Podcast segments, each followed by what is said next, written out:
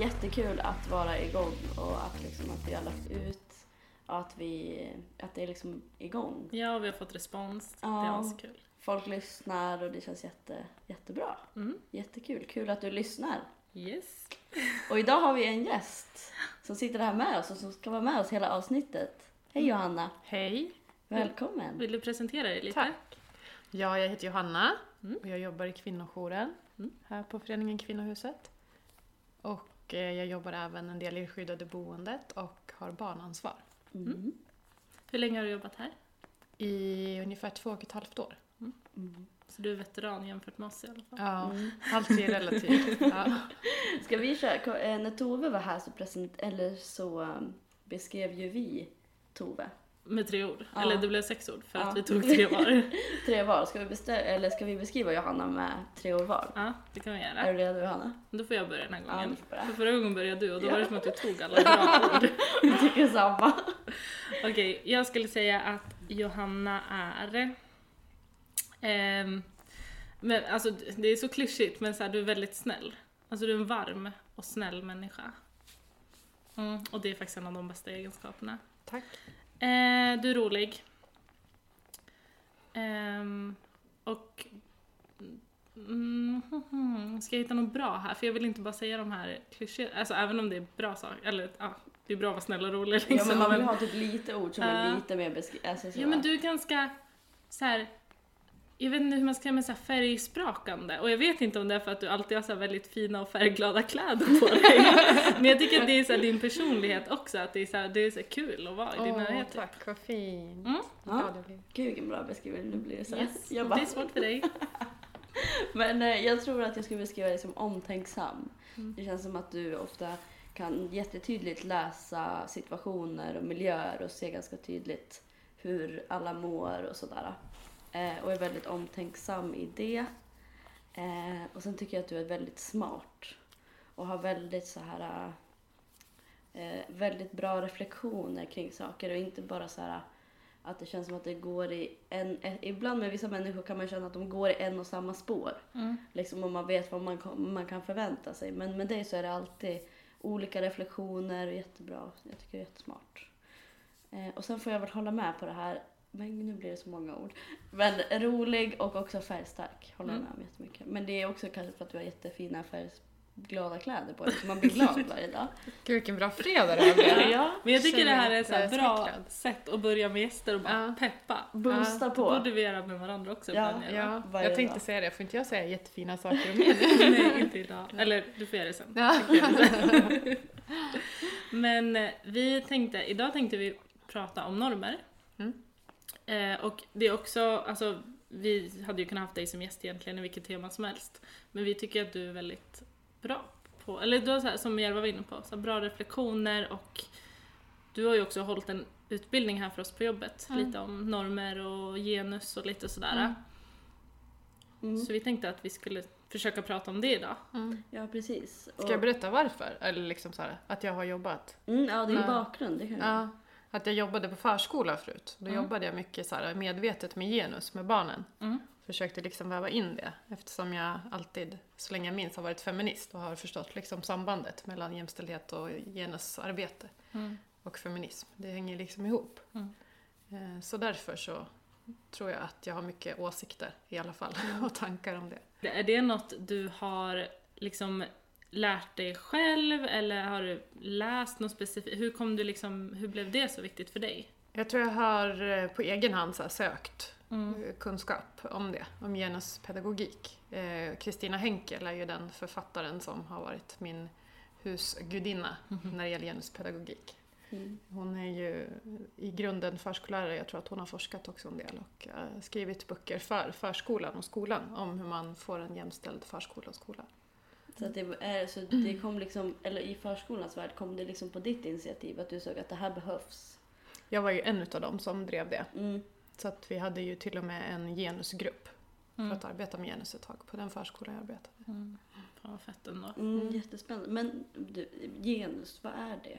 Liksom ordet? Nej, normer menar jag. som Men också genus. Ja, men också jag tänker genus, vad betyder det? Vad, eller det liksom, alla Mm. har väl kanske lite koll på det Mm. men om det är någon som inte har. Mm. Genus säger man ju är socialt kön. Alltså biologiskt kön vet vi ju vad det är. Det är det man föds med på sin kropp. Men genus är liksom det könet som man skapar utefter så här förväntningar och, och det som samhället eh, lägger på oss. Beroende på vilket biologiskt kön vi föds i. Mm. Så genus är ju föränderligt. Alltså kön är ju föränderligt men genus kan ju vara det man väljer. Mm. Mm. Och det är väl där normer kommer in då Ja, också. Precis. Utifrån vilket socialt och biologiskt Mm. kön såklart. Mm. Att folk tar väl ofta det som samma sak. Ja, Att det, precis. många har Mm. svårt att skilja på det. Eller att det kanske är ganska nyligen man börjar prata om att det kan vara skillnader Mm. i det också. Mm. Men att då, då är det olika förväntningar på beroende på det. Om man till exempel är tjej eller kille. Mm. Ja, precis. Och normer är ju oftast vad ska man säga, sociala regler som finns men som aldrig är kanske uttalade eller nedskrivna. Så därför så märker man ju inte av normerna förrän någon bryter mot normerna. Mm. Och att det är ju, finns ju jättemycket bra normer som jag tog upp också då när vi hade vår utbildningsdag. Att en norm är ju till exempel att vi står i kö Mm. här, att man spolar på toaletten eller liksom Men det är sant, man får ju inget straff om man inte står i kö. Nej, Nej. precis. Men det är ju ändå en, en social regel. Mm. Liksom. Ja, eller typ i morse tänkte jag på typ att borsta håret. Jag bara, ja alla borstar håret, alla. Alltså det är liksom en norm att vara typ så här hygienisk, Mm. Mm. liksom. Och att kanske att folk, men det är inte som att man får ett sånt straff. Nej, om man bryter eller ett mot det. socialt straff då kanske. Jag Ja. menar om man går runt och oborstade hår då kanske folk börjar kolla på en och Eller luktar illa i alla fall. ja, om man är ohygienisk. Ja. Om man står i kö då tycker folk att man är Ja. en idiot. Mm. Men så det är ju typ bra normer. Men Mm. vad, vad, då, vad är det för dåliga normer då? Många normer är ju jätteskadliga. Till exempel heteronormen kan vara otroligt skadlig. Mm. Om man inte är heterosexuell Mm. eller om man inte identifierar sig med heterosexualiteten. Det är ju väldigt mycket, vi, vi lägger ju i det biologiska könet när man föds så lä- lägger vi ju en heteronormativ förväntning. Alltså att vi förväntar oss att en flicka ska gilla en pojke, Mm. att en pojke ska bli kär i en flicka. Och det är ju både jättestressande kanske för en del som inte har kommit på att man ens kan bli kär och få höra. Mm.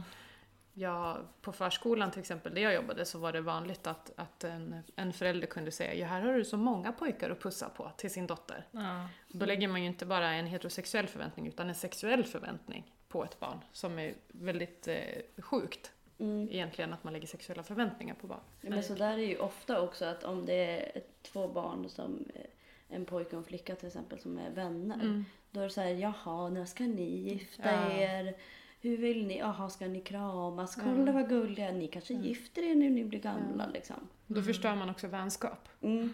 Men det är det där, jag tycker, det jag tycker är så viktigt att prata om för att jag, alltså det är inte så länge sedan som jag insåg att typ det var problematiskt. Nej. Alltså det är lite dumt att göra så. Mm. Jag kan ju ha varit så mot mina kanske småsystrar att jag, när de var små, att jag var Ja. så här: åh vad gulligt om, om min syrra lekte med någon pojke. Att jag Ja. var såhär, åh, tänk om det blir giftermål. Alltså att man Ja. skojade och det var ju typ, jag menade ju inget dåligt och Ja. jag var ju själv liksom 13 år. Men att liksom ingen analys kring det. Och det är Nej. därför vi måste prata om det. Ja, för, det är, för det är väl det med normer också att, att det är så vanligt. Ja. Att vi ofta inte ens tänker på att det är Nej. någon. Och vi utgår ifrån att, att eh, man och kvinna eller flicka och pojke så kompletterar varandra. Att de är varandras motsatser Mm. och kompletterar varandra. Mm. Men egentligen så är vi ju mer lika än olika. Så att det, det är ju liksom, och att, att vara olik betyder ju inte att man kompletterar varandra heller, alltid. Nej, precis. Och att det blir som en sån... Jag, jag vet att eh, en del i homosexuella relationer kan det ju vara så här, speciellt så här när, när, när två kvinnor är ihop, att det blir så här, ja vem utav er är mannen då? Mm. Att det blir så här, ungefär som att det måste finnas ett manligt och ett kvinnligt för att det ska bli en, en helhet. Mm. Och det är ju fruktansvärt. Ja men typ som så plus och minus på batterier. Ja. Att det ska vara, att det ger någonting liksom fulländat och på riktigt. Och att allt det andra är då också när man säger det, då är det ju också som att ja men då är inte ni på riktigt för att en måste ju låtsas vara man Ja. eller ha den manliga Mm. rollen. Mm. Vet ni att också. till exempel på batterier så heter det faktiskt hona och hane? Mm. Uttaget heter hona och den man sätter i heter hane. Det är. Det är helt sjukt. Men det är ju så, det är, alltså som du sa Nicky också att så där är, ju- alltså, jag har inte tänkt på det där innan. Mm. Utan det är bara något som sker Mm. och, man, och liksom människor och jag gör liksom till barn. Men man tänker, och vuxna skämtar ofta om saker som man tänker att barn ska liksom men barn har ju en helt annan världsbild tänker jag. Ja. Liksom att förstå och tolka Och att liksom, även om det är ett skämt, vad är det för typ av skämt? Alltså sådär. Mm. Eh, men man gör ju det. Ja men det är så mycket. Och jag tänker med normer också, då blir det ju att Alltså typ om man tänker att eh, det är väl en norm att tjejer ska ha långt hår. Mm. Vilket jag själv har långt hår och jag Mm. vill ha långt hår och det, då blir det så här, är det för att jag vill det eller Mm. är det för att det är en norm? Mm. Och, och Alltså, sen, ja. nu vill jag ju det fast samtidigt vad grundar det sig Ja. i? Och sen också att killar ska ha kort hår för Ja. att Alltså när, när det var neandertalare eller vad det var, de hade ju inga saxar. De gick Nej. ju inte till frisören och Nej. klippte sig så då hade väl även killar långt hår antar jag. Ja. Mm. Eller nu har jag ingen forskning på det men jag bara antar det Ja. liksom. Men eh, hår överhuvudtaget är ju en sån favoritgrej för mig. Mm. Just såhär med hår på kroppen och hår Ja det också. generellt. Såhär. Det är ju väldigt normskapande vad som är Mm. norm och inte norm. För att det har ju också växlat genom tiderna. Och det ser man ju såhär, som jag berättade förut, sen är nu- på lovet nu, att jag, eller på lovet, låt som jag går i skolan, men på, under julledigheten när jag tittade på film som var från början, eller slutet av 70-talet, början av 80-talet, där kvinnorna hade hår under armarna. Ja. Och att kropparna såg helt annorlunda ut än de filmkroppar vi ser idag. Att normerna förändras ju hela tiden, vad som är norm och inte norm. Och att, att eh, hår har ju setts som någonting så här feministiskt och hemskt också. Mm. Så att det är liksom någonting som är avskräckande för många män, i ett patriarkat i alla fall. Mm. Eh, att, att det står för, för makt och det är därför man också har valt kanske genom tiden att ta bort hår på kvinnokroppar. För att det är liksom en maktgrej med hår. Mm. Mm. Så det är också så intressant med kroppshår just nu, utifrån normer och att man, att man till slut med sitt eget kroppshår, det är så, norm, så mycket norm att inte ha hår på benen eller under Mm. armarna eller på sitt kön till exempel så man kan känna sig smutsig när man Mm. inte har rakat benen. Så, så långt kan det liksom gå med normer. Mm. Och att jag tänker inte på lika mycket när kvinnor inte har hår på benen. Men när jag ser en kvinna med, med shorts Mm. som har mycket hår på benen, då reagerar jag mer. Mm. Mm. Och det säger ju ganska mycket om hur långt det har gått med normer. Och det, då lägger ju du kanske inte ens en värdering i Nej. det, Nej. men du reagerar ändå Mm. på det. Ja. Jag blir glad Mm. Ja. när kvinnor har hår Men på just att benen. man Ja. reagerar, att det är, Ja. liksom, det är så starkt att det bryter. Men det är också underligt hur det kan vara så med, eller med, men inte med håret på huvudet. För Mm. då är det ju tvärtom. Ja. Då är det ju så här, om man har kort hår eller inget hår som tjej, då är det ju att bryta normen. Ja. Men att allt annat hår ska liksom bort. bort. Mm. Ja, det var någon som sa till mig, jag har inte så mycket hår på armarna liksom, eller på benen för jag är så tunnhårig vilket Mm. inte är så lätt att ha snygga frisyrer. Men jag har inte så mycket hår liksom så här, på kroppen. Det var någon som bara, alltså du är ju så perfekt. Du som inte har nå- något, du behöver inte raka armarna, du behöver inte raka muschen, du behöver inte liksom eh, raka benen. Och jag bara, jaha. Ja, alltså det kanske är. Eller jag vet eller nej, eller nej, va? Vad vadå? Eller, Ja. Alltså det blir jättekonstigt Ja. på något sätt. För alla människor är också så himla olika. Ja. Men det är som att vi alltid ska formas in i en mall. Mm. Och då blir det så himla skevt också när någon bara ah, du är den perfekta mallen och jag bara nej, nej jag vill inte. Alltså, men ändå så är det ju lätt. Det är Ja. mycket lättare att inte bryta normen. ja, gud ja. Alltså bryta Ja. normen är ju farligt Ja. liksom. Men också liksom med normer för just det här med att raka benen. För det kommer jag ihåg, det var liksom, jag var aldrig så här först med sånt. Men det var inte heller att jag ifrågasatte det utan helt plötsligt, jag spelade handboll. Och så märkte jag liksom, för då har man shorts på sig. Ja. Och så märkte jag att de allra flesta tjejerna i laget, alltså när vi var typ, inte vet jag, 13 Ja. kanske, 12, Ja. Inte hade hår på benen. Och det var som att jag kände att så här, nu, nu har jag missat eh, liksom meddelandet om det här. Man är sist på bollen. Och då, typ. men det var ju inte heller att jag frågade någon utan då så, jag visste ju ändå vad en rakhyvel var. Jag hade typ sett mamma eller någon raka benen liksom. Ja. Och då var det ju bara att jag gick hem och gjorde det. För att jag då bara, oh, nu måste Ja. jag också göra det. Man rättar sig i ledet. Mm. Utan att liksom ifrågasätta Mm. överhuvudtaget. Ja. Det är livsfarligt att rätta sig eh, liksom in i normer utan att reflektera över det och det är det vi gör för att man blir accepterad då. Och det värsta som finns för en människa eftersom vi är flockdjur, det är ju utanförskapet, liksom Mm. att inte höra till. Eh, Då man, krävs ju ganska mycket, speciellt i den åldern, när man är 13-14 års åldern, att inte rätta sig i ledet. När jag var i den åldern, när, jag, när, vi, när man fick hår, alltså det var ju jättelänge sedan, jag är född 1978. Så det, var, det, var ju, det var ju ett helt annat eh, klimat och det var ju en helt annan kultur och en helt annan kroppskultur då. Men eh, då när vi fick eh, hår under armarna till exempel, då var det någonting som var coolt och häftigt. Att, vi var, att jag kommer ihåg att jag var avundsjuk på den tjejen i klassen som fick hår under armarna först. Mm. Och att det var så här, åh gud hon har fått hår på muttan och så här, att det var, alltså det var så coolt. Och vi ville absolut inte ta bort vårt hår. Nej. Utan att vi ville att det skulle synas. Hår på benen får man ju lite senare får jag för Mm. mig. Jag kommer inte riktigt exakt ihåg. Men sen beror det ju på också vad man har för anlag för att få hur mycket hår och sådär. Vi- Mm. Jag, jag förstår ju att det är olika. Mm. Men att det var absolut inte en norm att ta bort hår under armarna och på muttan liksom. Nej, alltså jag, jag kommer ihåg att eh, killarna i min klass hade den inställningen som du berättade. Mm. Att det var någon kille som hade fått sent hår under armarna och Mm. skämdes ganska mycket för det. Mm. Liksom.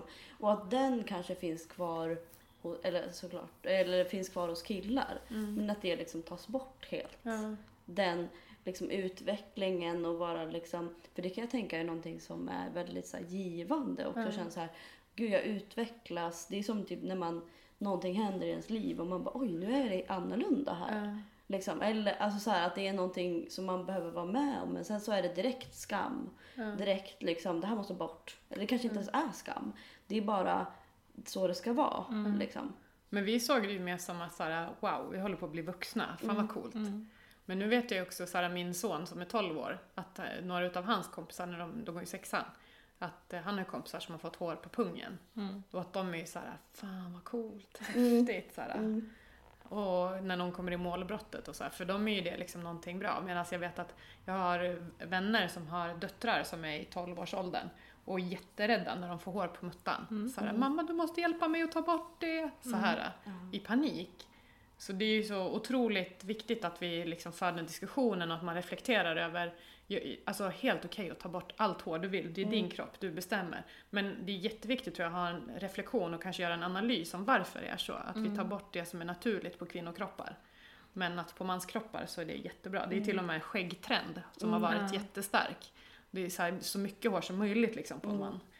Men det är intressant på, på tal om äh, det här du var inne på först, eller tidigare, att, att det här med ja, men, kvinnor och män, eller tjejer och killar, ska ses som motpoler, Mm. alltså som motsatser.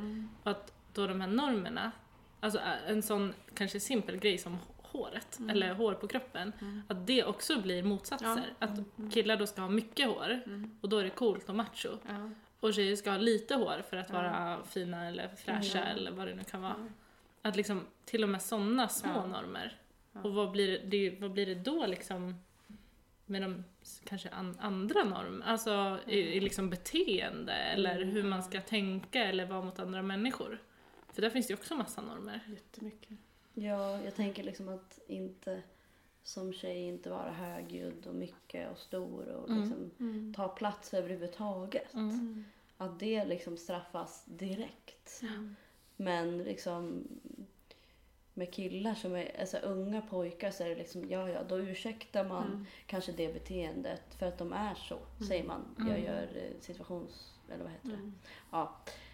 Eh, och det blir ju så himla, allt sätts ju fast där när man är barn och när man är ung. Liksom. Och man minns ju, alltså jag, när jag tänker tillbaka så minns jag den tiden som så himla viktig. Mm. Att jag minns när tjejer började använda, alltså alla tjejer började använda deodorant och, jag bara, och då var vi typ Mm. nio år. Mm. Och det, var, alltså det är inte så många nioåringar som svettas jättemycket. Mm. Men det var, och det var inga killar som använde deodorant förrän typ i gymnasiet. Alltså, Mm. och det är också, men ja, nu vilar jag iväg. Men vi fattar kanske vad jag menar. Ja. Men, för, Men det är ju mer, det är mer okej att, att män luktar människa också. Mm. mm. Kvinnor ska ju helst inte lukta. Och ifall de ska lukta så ska de ju lukta parfymigt. Blomma. Ja, blomma liksom, Mm. oskuldsfullhet. Och en, en man ska ju, om inte han luktar ett väldigt starkt drakvatten, men så får ju han lukta svett och vara lite, för det är ju manligt Mm. liksom. Mm. Man har jobbat hårt. Ja, precis. Mm. Men jag tänker, alltså, för du, om du har jobbat mycket med barn, alltså Mm. på förskola, det är ju små barn. Mm.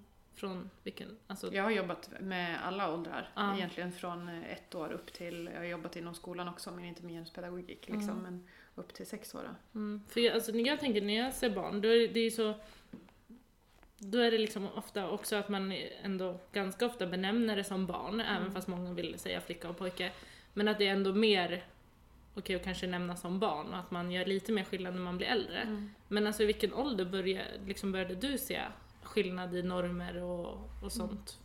Alltså, pojkar? Barn påverkas ju, barn är ju inte, alltså de är ju inte helt oskrivna blad, men kön det är ju någonting som vi lär barn. Ja, exakt. Det är ju någonting som man också lär sig så tidigt som, som möjligt. Redan i magen så vill ju alla ha reda på vad man har för, vad det blir för kön Mm. av någon outgrundlig anledning för att man vet vilka färger man ska köpa eller hur man ska bemöta dem eller man får för sig att de får olika personlighetsdrag. Så ifall man vet att man väntar en pojke och, och det blir mycket sparkar så vet man att det beror ju på att det är en pojke såklart. Mm. Alltså, men om det är en flicka så är det en riktig vilding eller Mm. någon, ja, det kommer bli en tuff tjej. Alltså Ja. liksom lite så. Eh, men eh, i, om man säger så här, i barn eh, identifierar sitt kön eller hittar sin liksom, könsidentitet eh, kring tre års ålder brukar man säga. Och det ju, finns ju barn som jag har jobbat med som inte har benämnt sig själva som hon eller han i tre års ålder också. Som inte liksom, kanske beroende på att föräldrarna inte använder kön så mycket och att, att de, eller att de liksom inte eh, är med i den utvecklingen heller. Men eh, i tre års ålder ungefär så brukar barn lära sig sitt kön. Mm. Och vi säger ju jätteofta, nu försökte vi implementera det på min förskola, att vi inte säger så här tjejer, killar. Mm. För att det är också så här att man isärhåller kön, att man, att man kallar så här, för om jag säger så här, eh, när vi, när vi, när, om ni står i en grupp, om ni är tre stycken, och så råkar ni vara tjejer och jag säger så här tjejer, då betyder det att ni också lär er lyssna till den identifikationen och då liksom kommer alla, allting som handlar om att vara tjej samlas ju i det ordet. Och då tvingas man liksom att att ta till sig alla de delarna, för det är ju mycket så här, saker som man säger så här, är tjejigt eller feminint eller så, Mm. som inte är positivt kanske för, för dig som person. Det kan ju till exempel vara att man börjar gråta lätt, att man alltid har eh, så här, att man tycker om rosa, att man tycker om att sminka sig, att man eh, har mens. Alla de här sakerna kan ju liksom vara, alltså nu var ju mens inte en egenskap, men att det kan finnas så här olika egenskaper som läggs i det ordet och då tvingas jag in i den normen. Mm. Och jag är tjej och jag tycker om svart, jag tycker om rosa, jag är ganska stark och modig, men sen är jag också snäll och gråter lätt. Alltså det, det är ju så här att vara människa på något vis, Mm. men att vi liksom har bestämt. Och ofta så är det så att i, i, ordet kille eller man så ligger ju mer positivt vägda egenskaper än i kvinnliga egenskaper. Så att en, en kille till exempel som att det blir så här, hörni grabbar, hörni killar. Det blir ju ofta så. Jag vet att Mm. när man spelar fotboll så är det så här, fotbollsgrabbar, grabbar, grabbar, grabbar. Och det är ju väldigt mycket så här, styrka i det. Alltså det blir ju som, det är ju inte så att man tänker att här kommer en, ett gäng med massor med mjuka, fina människor som tycker om att Nej. prata känslor. Mm. Utan, och, och sen om man som kille till exempel är en sån känslig person så kan det bli jättejobbigt under, liksom, man säger barnåren och tonåren och även i tidiga mansåren innan man har helt suddat ut sin barndom. Att försöka passa in i de här normerna hela tiden. Det blir väldigt skadligt och det är ju inte för inte som till exempel att självmordsstatistiken bland unga män är väldigt hög. Och det visar sig att unga män inte har några kompisar eller så. Mm. Eh, så nu spånar jag också iväg, men det finns ju en otrolig fara med att, att tvinga barn att identifiera sig med kön tidigt. Mm. Och det finns ju sådana genusförskolor som det är så här, där man har använt hen istället för hon och han på alla barn. Oavsett liksom. Eh, och det visar ju liksom efter de hade haft det här i några år, det visar ju att alla de barnen som går på de förskolorna, de vet hon och han. De vet det, fast de inte använder dem. Alltså det är inte så att man förstör ett barn genom att inte använda könsord liksom, eller könsord, men alltså att inte, att inte benämna med kön. Mm. Utan, och jag tänker också att det är mycket mer så här, upplyftande för någon att säga så här Nicky och Järva, vad fint ni har gjort här, vad glad jag blir. Än att säga så här, tjejer, vad fint ni har gjort här. Mm. Mm. Alltså alla människor blir gladare av att bli benämnda med sitt namn eller känna så här, ah, hon menade mig nu. Mm. Det var Mm. jag, det var inte hela gruppen, utan det var jag. Mm. Så det, på det sättet är det också viktigare liksom, att använda eh, namn och person än att bara gruppa ihop människor. Det är ju jättejobbigt. Det är som att jag skulle säga alla i tjejjouren är asslarviga på att diska. Jag vet inte det var jag. Nej, ja men alltså, det är ju Ja. såhär, överlag vart vi än är i samhället, eller såhär, de, eh, de som eh, jobbar på ABB, de är ju ingenjörer och så jävla tråkiga allihopa. Mm. Alltså, Men så alltså att de bara klumpar ihop ja. liksom alla människor. Men så är det ju också. Känns det som jättemycket nu när jag tänker tillbaka typ på min skolgång och sådär. ja. Att, det, att det är så mer än vad man tänker på. Men jag tänker också att människor som jobbar inom så här, alla ämnen där man jobbar med människor Mm. bär ju också sina egna värderingar Mm. in i det. Mm.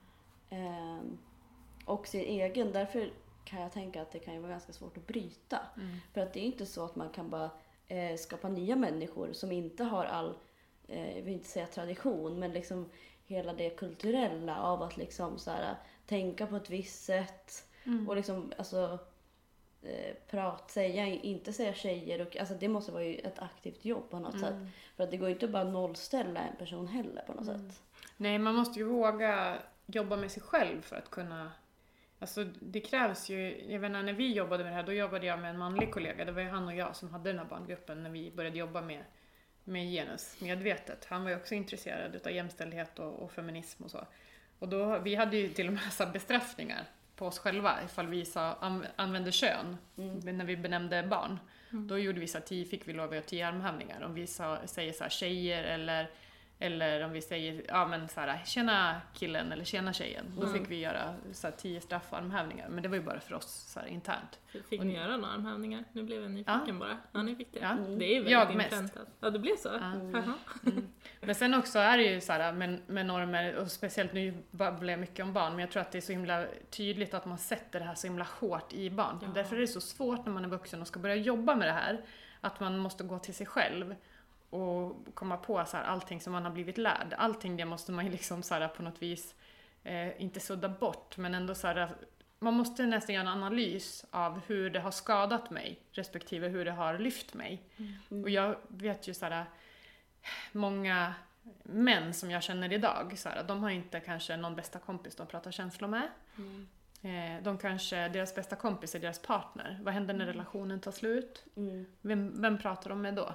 Alltså vart kan de gråta någonstans? Mm. Jag menar, jag, jag tycker att vi kvinnor och tjejer kanske är lite mer privilegierade.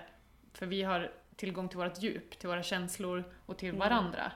Eh, på det sättet så har ju vi liksom dragit en vinstlott. Men i Mm. stora samhället, om man pratar ekonomiskt och socialt, så har ju vi en nitlott. Mm. Eftersom vi lever i ett patriarkat.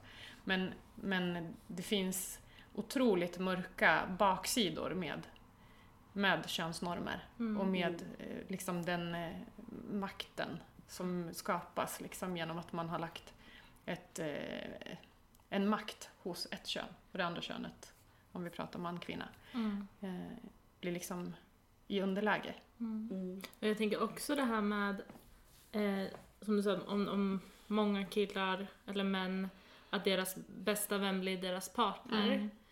Eh, vilket inte behöver vara fel, men om det är Nej. deras enda vän liksom, Mm. eller enda personen Mm. de kan prata känslor med. Mm. Att, för det har jag hört mycket tjejer som liksom pratar om, då tjejer som lever i heterosexuella relationer med en kille, att, att det blir också jobbigt som tjej då, Mm. Att jag är den enda som får bära alla dina bördor. Och in, Mm. inte att säga jag vill inte stötta dig, det är klart man gör det med någon man älskar, Mm. vare sig det är en vän eller partner, men att det blir ganska tungt när man Mm. blir den enda som får Mm.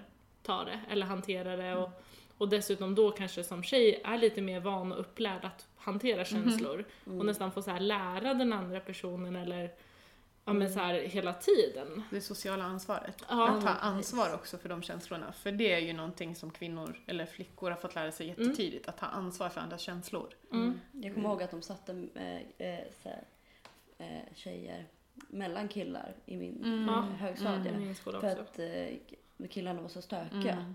Mm. Så då satte de liksom Mm. tjejer emellan killarna för tjejerna skulle då lugna ner dem. Ja, och då ska man själv sitta där Och i jag, och jag identifierade mig inte i liksom mellanstadiet som lugn. Nej. Och, men då helt plötsligt så bär jag ansvaret Ja.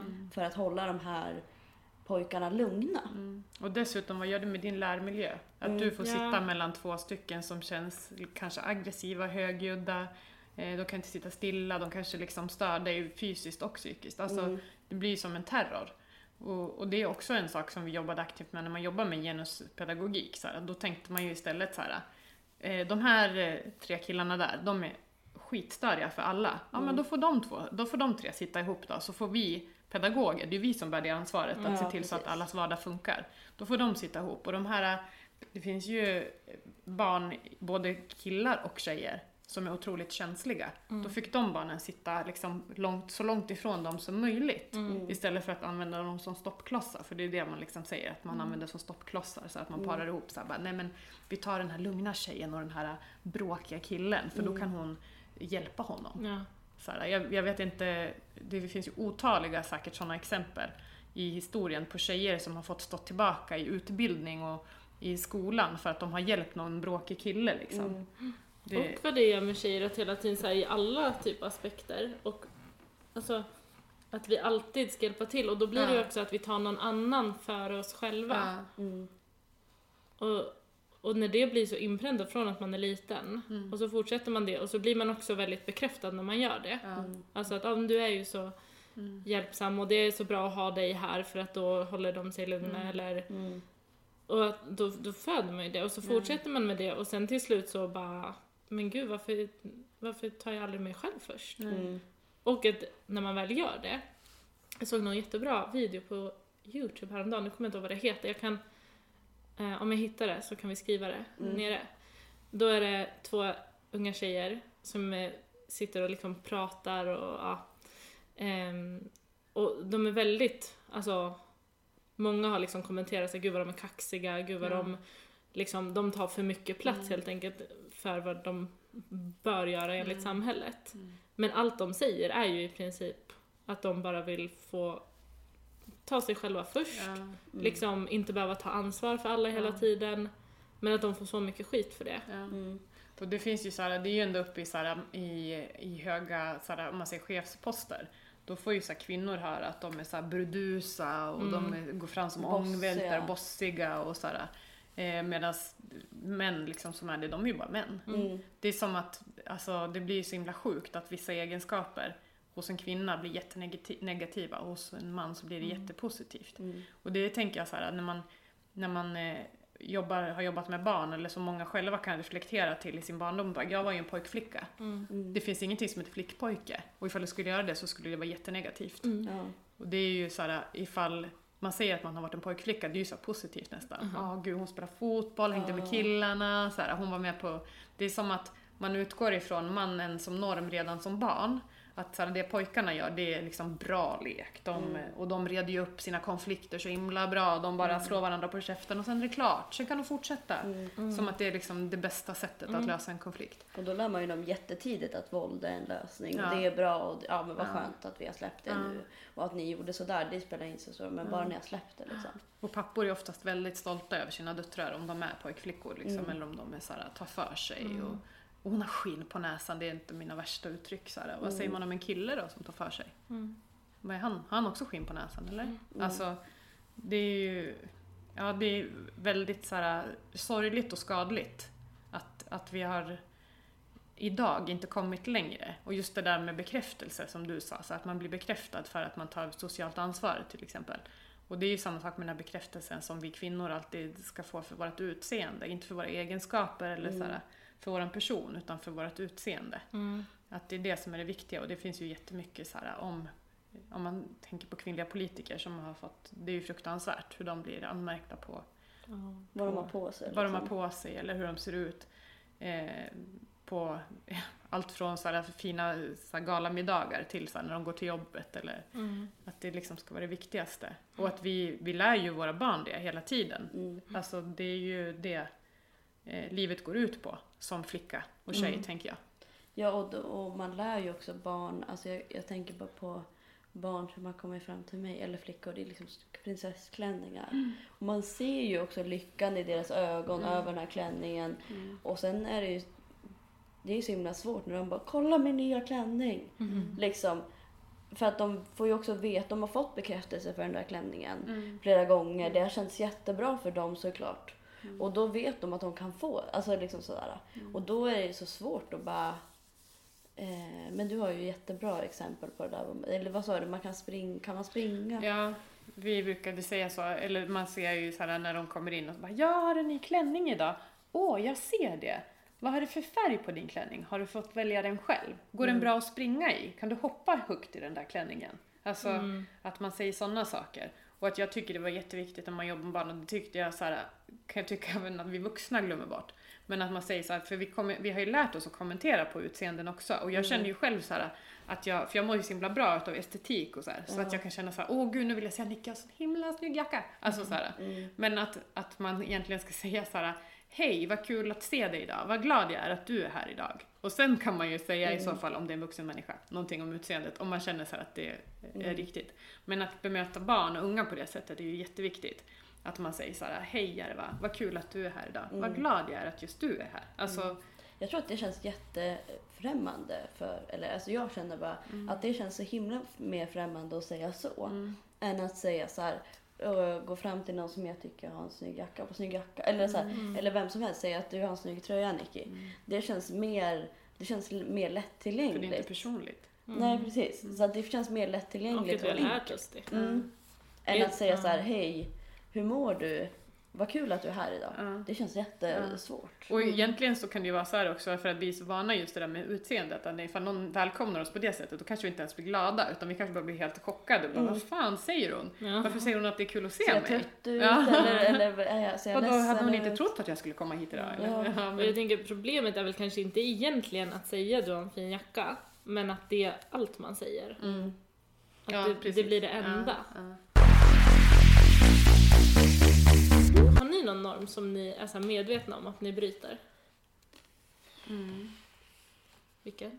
Eller vilken? Vilka? Eh, jag tänker att det är så jättemånga. Till exempel så tycker jag om att säga om mig själv att jag är stark. Mm. Och det är inte så vanligt. Så här, när jag var på Tinder förut då skrev jag så här att jag var snäll, stark och smart. Mm. Ja, för alla tjejer skriver ju- eller alla killar skriver i alla fall att de vill ha gulliga och glada tjejer typ. Eller så här, jag letar efter en trevlig, glad och söt tjej. Man bara, vadå glad? Det är väl upp till dig då att se till att hon är glad. Man är, glad är ju ingen egenskap. Det är ju någonting som liksom Eh, alltså alla kvinnor och tjejer är glada, ledsna, arga, sura, alltså så. Så jag brukar liksom, när jag ska beskriva mig själv så brukar jag hellre använda sådana kraftord än att använda så här, bara, jag är glad, trevlig, snäll. Alltså att jag kanske skriver så här, jag är modig, jag är stark, jag är smart, alltså sådana egenskaper. Men sen tänkte jag också på när jag faktiskt när jag började jobba här. Här hade alla tjejer långt hår, alla kvinnor hade långt hår som jobbar här, eller så här, längre än till kindbenet i alla fall. Och då tänkte jag så här, fan jag måste spara ut mitt hår när jag är en sån här rabiat feminist så att jag i alla fall följer någon norm. Att jag inte, för jag har ju kort hår. Jag kan ju inte både vara korthårig, träna styrkelyftning och vara feminist. För då är jag liksom för mycket. Så då började jag så här spara ut mitt hår fast jag egentligen kanske inte trivs i det och inte passar i det. Sen bara, nej men vad fan, nu skiter jag i det, jag kör på mitt korthår. Men att jag liksom reflekterar för att det, ibland blir det så här too much. Så här, utav, alltså det blir, inte för mig, men för andra människor att det blir för mycket så här. Att ah, möta, alltså då är det Ja. ju svårt att kanske möta. Eller det blir ett annat bemö alltså bemötande sätt mm, i om man har liksom kort hår eller långt hår. Det är så jävla tydligt också. När jag var snaggad så var det ju så att då ville alla prata om min frisyr hela tiden. mm, Jag tror jag vet inte om jag sa det här i något avsnitt eller om jag bara berättade det för er förut. Men att då när jag var snaggad hade rakat av mig håret. Då var liksom det det viktigaste i världen att prata om hela tiden. Och att då var det som att jag bara, ja fast jag vill, kanske ville jag berätta någonting annat. Jag kanske ville prata om liksom eh, den här maten som jag lagade häromdagen och hur jag gjorde den och hur det var gott och, och liksom vart jag har fått inspiration till det. Men då är det liksom som att det var, alltså för andra, det första de bemötte var min frisyr. mm. Och bara, är du feminist? Du är feminist va? För att du är snaggad va? Det syns att det är för Och sen jag bara, ja jag är feminist och bara, ah, du, jag måste prata med dig om det här. Och då bara, åh, varje gång, hela tiden måste jag prata om det. Så här. Men eh, avbröt jag det? Har du någon mer norm som du känner att du brukar? Jag brukar spara ut mitt hår på min kropp. Mm. Men det, vågar, det är ju någonting som jag jobbar med, för det vågar jag inte alltid. Nej. Men på, nu så, ja, jag rakar ju inte benen om jag inte behöver. Men eh, på sommaren så rakar jag ju benen alltid, Mm. typ. Men för min egen del, men det är ju också så här, det vet jag inte så här. det här är ju någonting som vi har pratat om förut. Mm. Men att hår är ju en så jävla känslig grej. Mm. Mm. För det blir en sånt, alltså man får såna reaktioner på det. Och att jag själv tycker så här, om visst hår på min kropp, men inte annat hår. Mm. Och håret på mina ben avskyr jag. Men jag- så här, jag kan, jag har hår under armarna nu liksom. Och ibland när jag går och tränar, ifall jag har linne på mig, då är, det här är helt sjukt. Men det här är någonting som jag vågar inte eh, ha linne och hår under mina armar om jag tränar själv. Men om jag har någon med mig, speciellt om jag tränar med min partner, då vågar jag gå och ha hår under armarna och träna liksom, så att folk ser hår under mina armar. För då har jag en, en man också som legitimerar min Ja. hårighet. Alltså Ja. det är helt sjukt. Men jag har tänkt på det ganska mycket. Mm. Att eh, oftast så kan man som kvinna bryta mot normer om man har en man vid sin sida. För Mm. han är ju liksom högre stående på något vis. Att det blir mer legitimt att vara på vissa sätt med en Ja. man vid sin sida. Ja, Det är lättare att vara feminist också om man har en Ja. man med sig. Ja. Ja men precis. Ja för då är det också som att, ja men fast då blir det som att ja men hon är en riktig kvinna ändå. Eller kanske hon är inte- untouchable. Ja, Mm. ja men alltså det är någonting i det. Men det är väl för att du är, då är du ju ändå väldigt medveten om att du bryter normen liksom. Ja, men jag Mm, utmanar ju ja. mig själv. För jag tänker, jag måste ju leva som... Det här är ju mina så här, Jag är ju sjuk med principer. Mm. Men jag måste leva som jag lär. Och sen Mm. så här, att ha hår på muttan. Det är så här, och då så här, när, min, när jag vet att min partner ska sova, jag bara, han bryr sig inte. Men jag undrar om jag inte behöver ansa lite ändå. Ja. Mm. Alltså att det blir så här, helt sjukt att jag, att jag tänker så. Vi lever ju, bor ju inte ihop liksom. Så då, Mm. att det blir så här. Ja men det blir så här som när man ska göra sig fin, när man ska gå ut på dejt. Ja. Att det är en Att del det, men jag, ja. jag reflekterar alltid över det. Att jag gör det, så här, när jag gör det. Mm. Eller så här, bara, nej men fan jag i det, han, han bryr sig ju inte. Mm. Just den grejen liksom. Att jag, att jag ens, och att jag ens tänker så här, Mm. han bryr sig ju inte. Nej. Man bara, vad fan att jag ens tar in Ja. hans värdering. Ja. Mm, Det var som den här är- mannen som skrev till Stina Wolter så här på Instagram. Hon hade pratat om kroppen och så hade det var jättemånga kvinnor som hade blivit så stärkta och glada. Och då hade han liksom skrivit så här. Åh, jag tycker det är så härligt att se en riktig kvinna. Jag, lägg, jag tycker alla kvinnor ska få se ut som de vill. Och hon bara, men vad fan, nu pissar du på det jag har skrivit. Ja, Vad du kvinna. tycker är inte relevant. Ja. Och så skriver han tillbaka. Men jag säger ju bara att jag tycker att det är okej. Man Jag tycker men- att det är fint med... Hon bara, fast vad du tycker spelar ingen roll. Vi Mm. är inte intresserade av din åsikt. Men ändå, alltså att han inte förstod. Nej. Men det är ju precis där vi alla är, eller jag Ja. är i mitt resonemang. Såhär, Mm. Vad kommer han tycka? Eller jag vet att han inte har någonting emot det. Mm. Och, men sen kommer ju nästa tanke, eller har han någonting emot det? Men han skulle aldrig säga. Alltså, Ja, ja. Det, det Ja, man kan fortsätta männens med det där. konspiration. Ja, har du någon Nicky? Men alltså, nej, alltså jag funderar och jag blir lite besviken på mig själv. För Fan, jag Nicky! känner att jag följer ganska mycket normer. Ja. Eller så här, för jag kan också vara lite... Eh, alltså att jag inte rakar mig så ofta. Mm.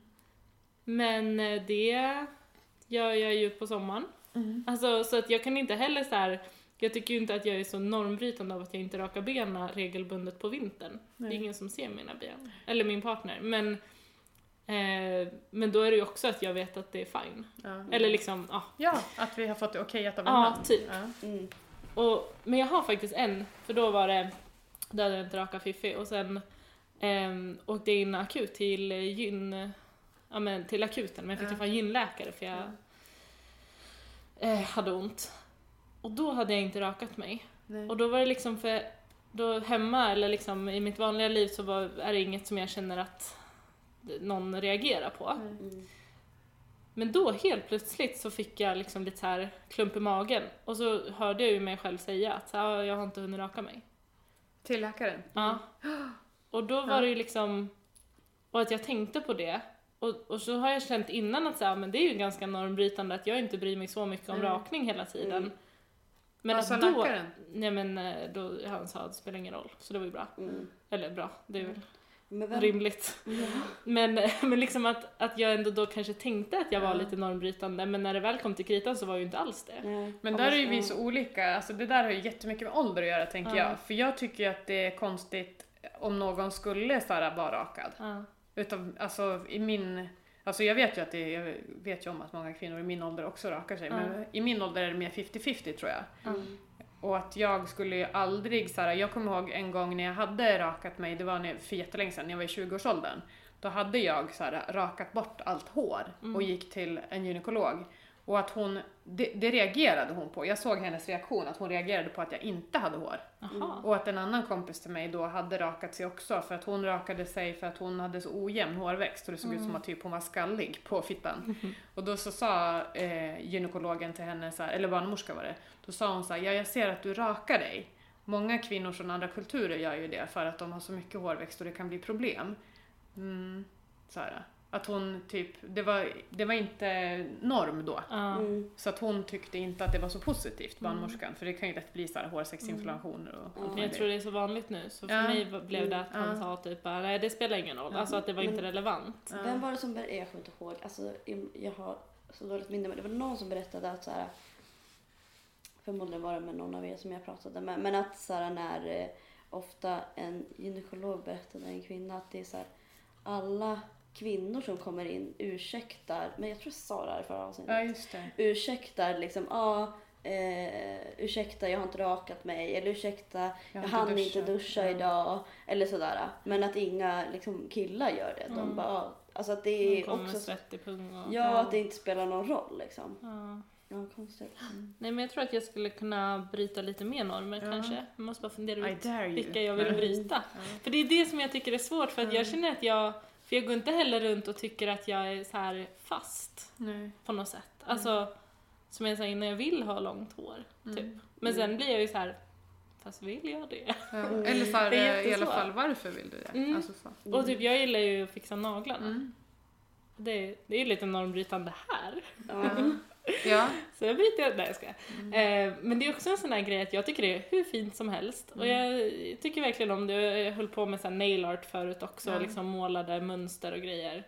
Men att det är också så här, det är ju inte praktiskt att ha långa naglar. Nej. Inte alls. Nej. Så varför vill jag det? Mm. Men det är ju liksom, eh, jag tänker också att det här med att, att eh, göra sina naglar eller så här, sminka sig och sånt där. Det är också någonting som är estetiskt. Alltså, Mm. Det kan ju vara jättekul att sminka sig så här, när man ska gå ut en fredag Ja. eller lördag kväll och bara asmycket smink. Så här. Och bara gud vad fint det blir, jag blir så Mm. snygg. Alltså det är ju på något sätt en tillfredsställelse. Vi kan ju inte liksom helt bortse ifrån att estetik är liksom någonting som tilltalar Mm. oss. Vi är ju skapta sådana i våra hjärnor, Ja. att vi tycker om saker som är vackra. Så det kan ju också vara, men sen tänker jag också att det är en konstnärlighet att Mm. så här, skulptera naglar eller att sminka sig på ett visst sätt. Mm. Och jag tycker det ju, ses ju ner på så himla mycket så här, ja, nu, förlåt nu fick inte du berätta om dina normer du bryter, men jag måste bara säga Mm, ja. att det ses ner på så här, kvinnors skapande eller så här, Ja. det är så här, tjejer på Youtube som, alltså de sminkar så sjukt snyggt Mm. liksom. Det är ju så, det är som ett hantverk. Mm. Och det är så här bara, tjafs. Mm. Det är så här som jag hade så här när, vi, när jag lyssnade på ett radioprogram som jag lyssnade på, Hanna Hellquist tog upp det. Hon bara, jag blir så jävla trött på när män är så här, typ när vi pratar om vårt smink, att de bara så här mascara och så visar de typ där ögonskuggan ska vara. Mm. Man bara, alltså det här är så jävla förnedrande, det är så nedlåtande mot oss kvinnor. Mm. Att det är så, alltså jag kan minst fem fotbollslag sa hon, Mm. typ. Mm. Och det, det är mäns intresse. Och ni kan inte ens lära er vart mascaran ska vara. Men de vet ju det. De, gör vet, ju ja, och hon sa det, och det är ännu värre. Mm. Att man vet det, men att man förlöjligar det Mm. inför kvinnor. Men jag vet ju typ att i fotboll så använder man inte en hockeypuck. ja. Eller alltså så här, typ. man har lite koll och du på... försöker förstå offside-regeln. Ja, liksom. det är svårt. Och sen ska vi också Ja. förstärka, vi tycker inte att fotboll är något som bara killar ska tycka om. Nej. Ja. Nej, utan nu generaliserade jag. Ja, men Ja. säg, Ja. alltså, Men det- typisk ja. grej så här, ja, som man det, det har så här olika värde. Ja. Alltså att kunna så här, fotboll eller så här, Ja, men det Ja. var att det är ju så här högt värderat. Att Ja. kunna sminka sig eller så här med contouring, Mm. det är ju så här, pff, Ja, men jag, alltså jag är så här rädd att säga att jag typ hejar på ett fotbollslag. För att jag gör det nu. Men för att jag är på dåligt. nej, jag hejar på det bästa fotbollslaget, Johanna. men jag är rädd för att säga det för att jag vet att om jag skulle säga det i en situation där det är massa, eh, oftast killar, som Mm. kan massa saker om fotboll. Ja. Då ska jag stå till svars för Mm. att, ja men vad heter backspelaren? Jag bara, men förklara offside-regeln för Men mig. de vill inte "Vi- riktigt att du ska kunna Nej. det. Eh, Och jag kan inte det. Så här, jag kan Mm. inte, och då kan inte jag få känna så att jag kan stötta ett fotbollslag och tycka att det är kul att Och gå på match gemenskapen. och gemenskapen alltihopa. För det tycker jag är jätteroligt. Mm. Men jag vågar liksom inte säga det för att jag orkar inte sitta i 20 minuter och förklara Mm. mig och berätta hur länge jag har hållit på det här fotbollslaget Mm. och liksom vad jag gör för fotbollslag, alltså supporter, Mm. kultur. Att jag måste liksom hävda mig för att jag bara typ hejar på ett lag. Mm. Och att det blir så himla skevt. Men det är inte som att jag bara sitter och någon bara, ja ah, man har mascara här och pekar på ögonlocket. Att jag bara, vad menar du med det? Vet du inte ens varför mascara kommer ifrån? Mm. Alltså, Ja. och sådär. Men bryter du, bryter du några nå andra normer? Jag vill ju bryta norm. Men det är också som så här, Jag bara, "Ah, jag rakar inte benen men jag har typ världens fjunigaste hår på benen. Mm. Och det är superaccepterat. Alltså man ser inte ens min, alltså och då är jag så här, då tycker jag lite grann att jag bryter men jag gör ju inte det. Mm. Så det är lite sådär. Det är som med sådana som vill vara kropp, kroppsaktivister som är normsmala. Ja exakt. Det Som är bara lägger ut så här provocerande bilder på sig själva som är så här skit eh, heteroporriga. ja Bara exakt. nu är jag kroppsaktivist. Ja men Ja. precis, det är lite samma som om jag skulle lägga ut som att jag var så här. Kolla på mina håriga ben. Ja, så bara jag är så liksom, det är jättekonstigt. Mm. Men eh, jag vet inte, jag tror, alltså jag vill säga att jag bryter normen med att det finns ju en norm att tjejer ska vara ganska passiva och tillbakadragna. Mm. Och det är jag ju inte, men jag är ju väldigt så här. äh, Många tillfällen kommer jag på mig själv att jag är väldigt så här man-pleasing. Att jag nickar när, Kim, när män pratar och så här, äh, lyssnar. Och, alltså, Mer än vad du gör mot tjejer? Eller? Ja men ibland. Ja. Att jag märker typ att i mitt eget beteende och börjat analysera mitt beteende med så här, att när kvinnor pratar så är jag inte alls lika utåt stöttande. Mm. Att jag så här, nickar på huvudet och så här, ja men jag förstår, jag hör dig, jag, jag ser dig. Men det kan jag göra ganska mycket när män pratar.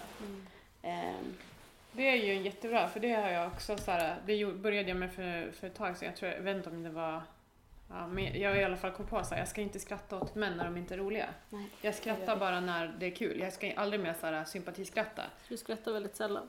Ja. Nej jag skojar. Ja, precis. I alla fall när det är mäns sällskap. Nej, för jag tycker det är så jävla B att, de, att, vi, att vi alltid sitter och lyssnar på män. Ja, Mm. och så pratar de så här. Mm. Och så ska man alltid så här, för att vi är, tar socialt ansvar, så Mm. sitter man och ler så här, nu ser jag inte men att man sitter så här bara hmm, Mm. Mm. och ler liksom så här och håller med. Och så kan man liksom även så här, när man sitter i ett sällskap när det, alltså killar låter ju högre Mm. oftast. Och då man liksom försöker avbryta ganska ofta, Mm. eller prata högre än dem. Mm. Och då blir man ju en gapig tjej. Mm. Alltså det är det, för vi... Ja, det, det, då så byter jag nog normen att Ja. jag är typ en ganska gapig, Mm. alltså att jag kan liksom köra, alltså jag kan typ ha monolog när jag Mm. sitter med, med killar.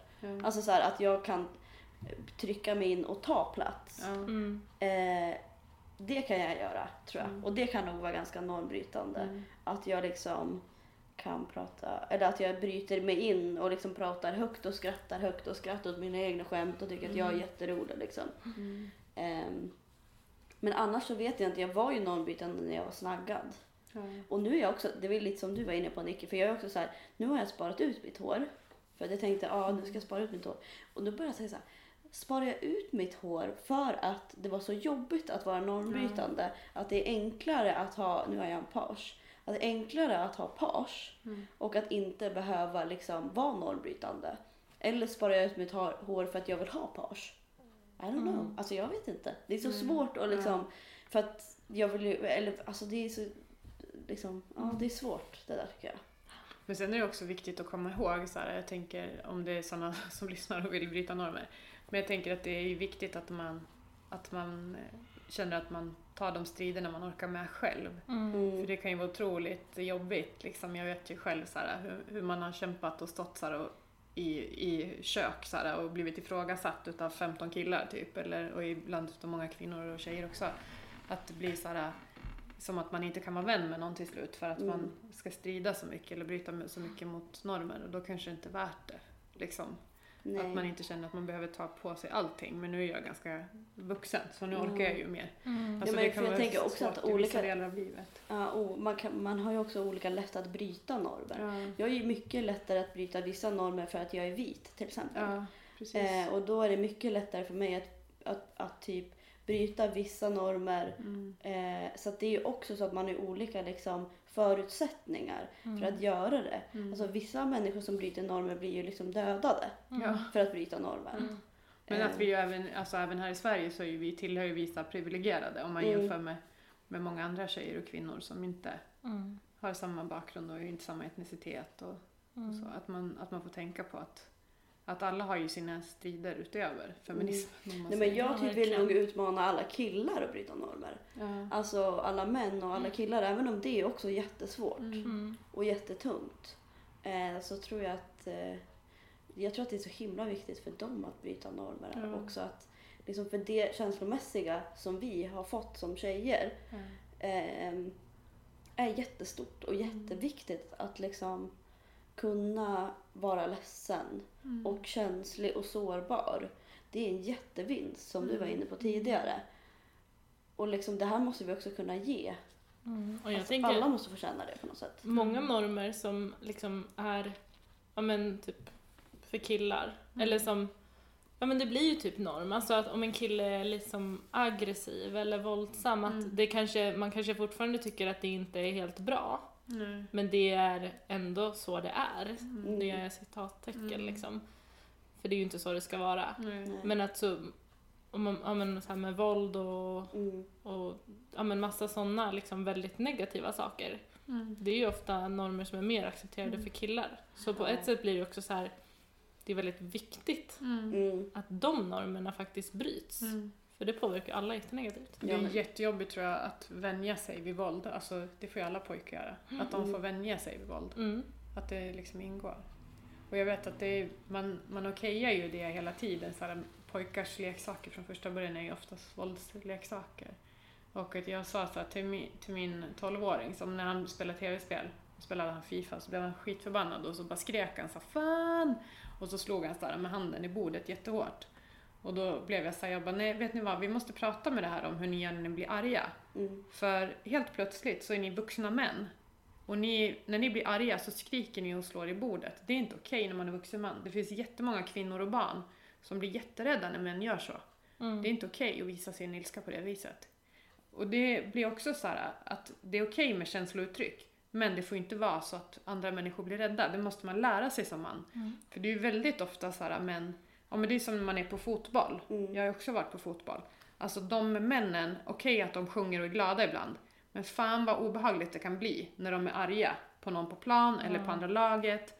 Alltså män, äh, vita män är privilegierade och de, de reflekterar inte ens hur deras röster låter. Nej, för det finns så tydligt. Ja. Det, det ges ju liksom till dem. Liksom. Och De ska får den platsen. Mm. Och de ska lära sig från tidig ålder att det är så man gör. Mm. Att det är på det sättet man agerar om Mm. man är en kille. Mm. Det blir så himla svårt. Jag tänker också på så här normer som man måste bryta. Ju också så här, ja, han slår, alltså man säger till barn om en kille hade eller puttade mig så bara, men han är kär. Alltså det var en kille en gång som puttade mig så att jag fick en hjärnskakning in i en tegelvägg. Och min lärare bara, men han är säkert kär i dig. Jag bara, ursäkta jag sitter här med hjärnskakning. Liksom, och att det är så. Mm. Det är så skevt liksom. Mm. Och då var jag såhär, "Jaha, vad ska jag, eller vad betyder det här för mig? Mm. Betyder det att min hjärnskakning var bra? Eller? Mm. Alltså, eh, och då får du- det, ja, Mm. det är himla. Mm. Jag tror tjejer att vi, nu sa jag tjejer. jag tror Johanna och Nicky att vi måste avsluta nu. Ja, men jag har några avslutande ord. För jag tänkte på det här lite utifrån mig själv då. Att jag känner att jag kanske inte bryter så många normer. I alla fall som jag känner påverkar mig. Mm. Men en utmaning, om det är någon annan som känner att jag bryter inte så många normer och jag, jag känner inte att jag vågar eller vill det av olika anledningar. Mm.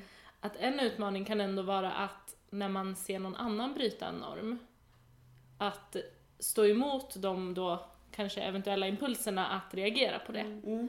Till exempel om det är en tjock kropp på en Mm. bild på Instagram, att inte kanske kommentera något negativt om det. Mm. Eller kanske inte kommentera själva kroppen överhuvudtaget. Mm. På ett annat sätt än vad man hade gjort om det var en, en smal kropp. Mm. Eller, ja men, är en tjej snaggad eller en tjej tar mycket plats att inte säga gud vilken kaxig tjej. Nej, eller Bara för det. Nej, precis.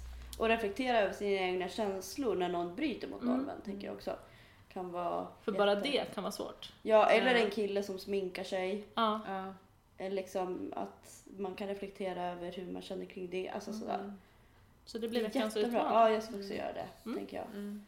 Sen ska jag fundera på vilka andra normer jag kan bryta. Mm. Mm. Men vi kan återkomma om det. Det kan vi göra. Men Norm- Johanna, alltså Mm. gud vad roligt att du har varit här. Ja, jätteroligt. Gud vad roligt det var att få vara här. Det kändes liksom som att du har poddat med oss hela tiden Ja. på något sätt. Ja, gud, jag är ju ett proffs. Jag har ju inte sagt det, men jag har ju en egen. Nej, jag skojar bara.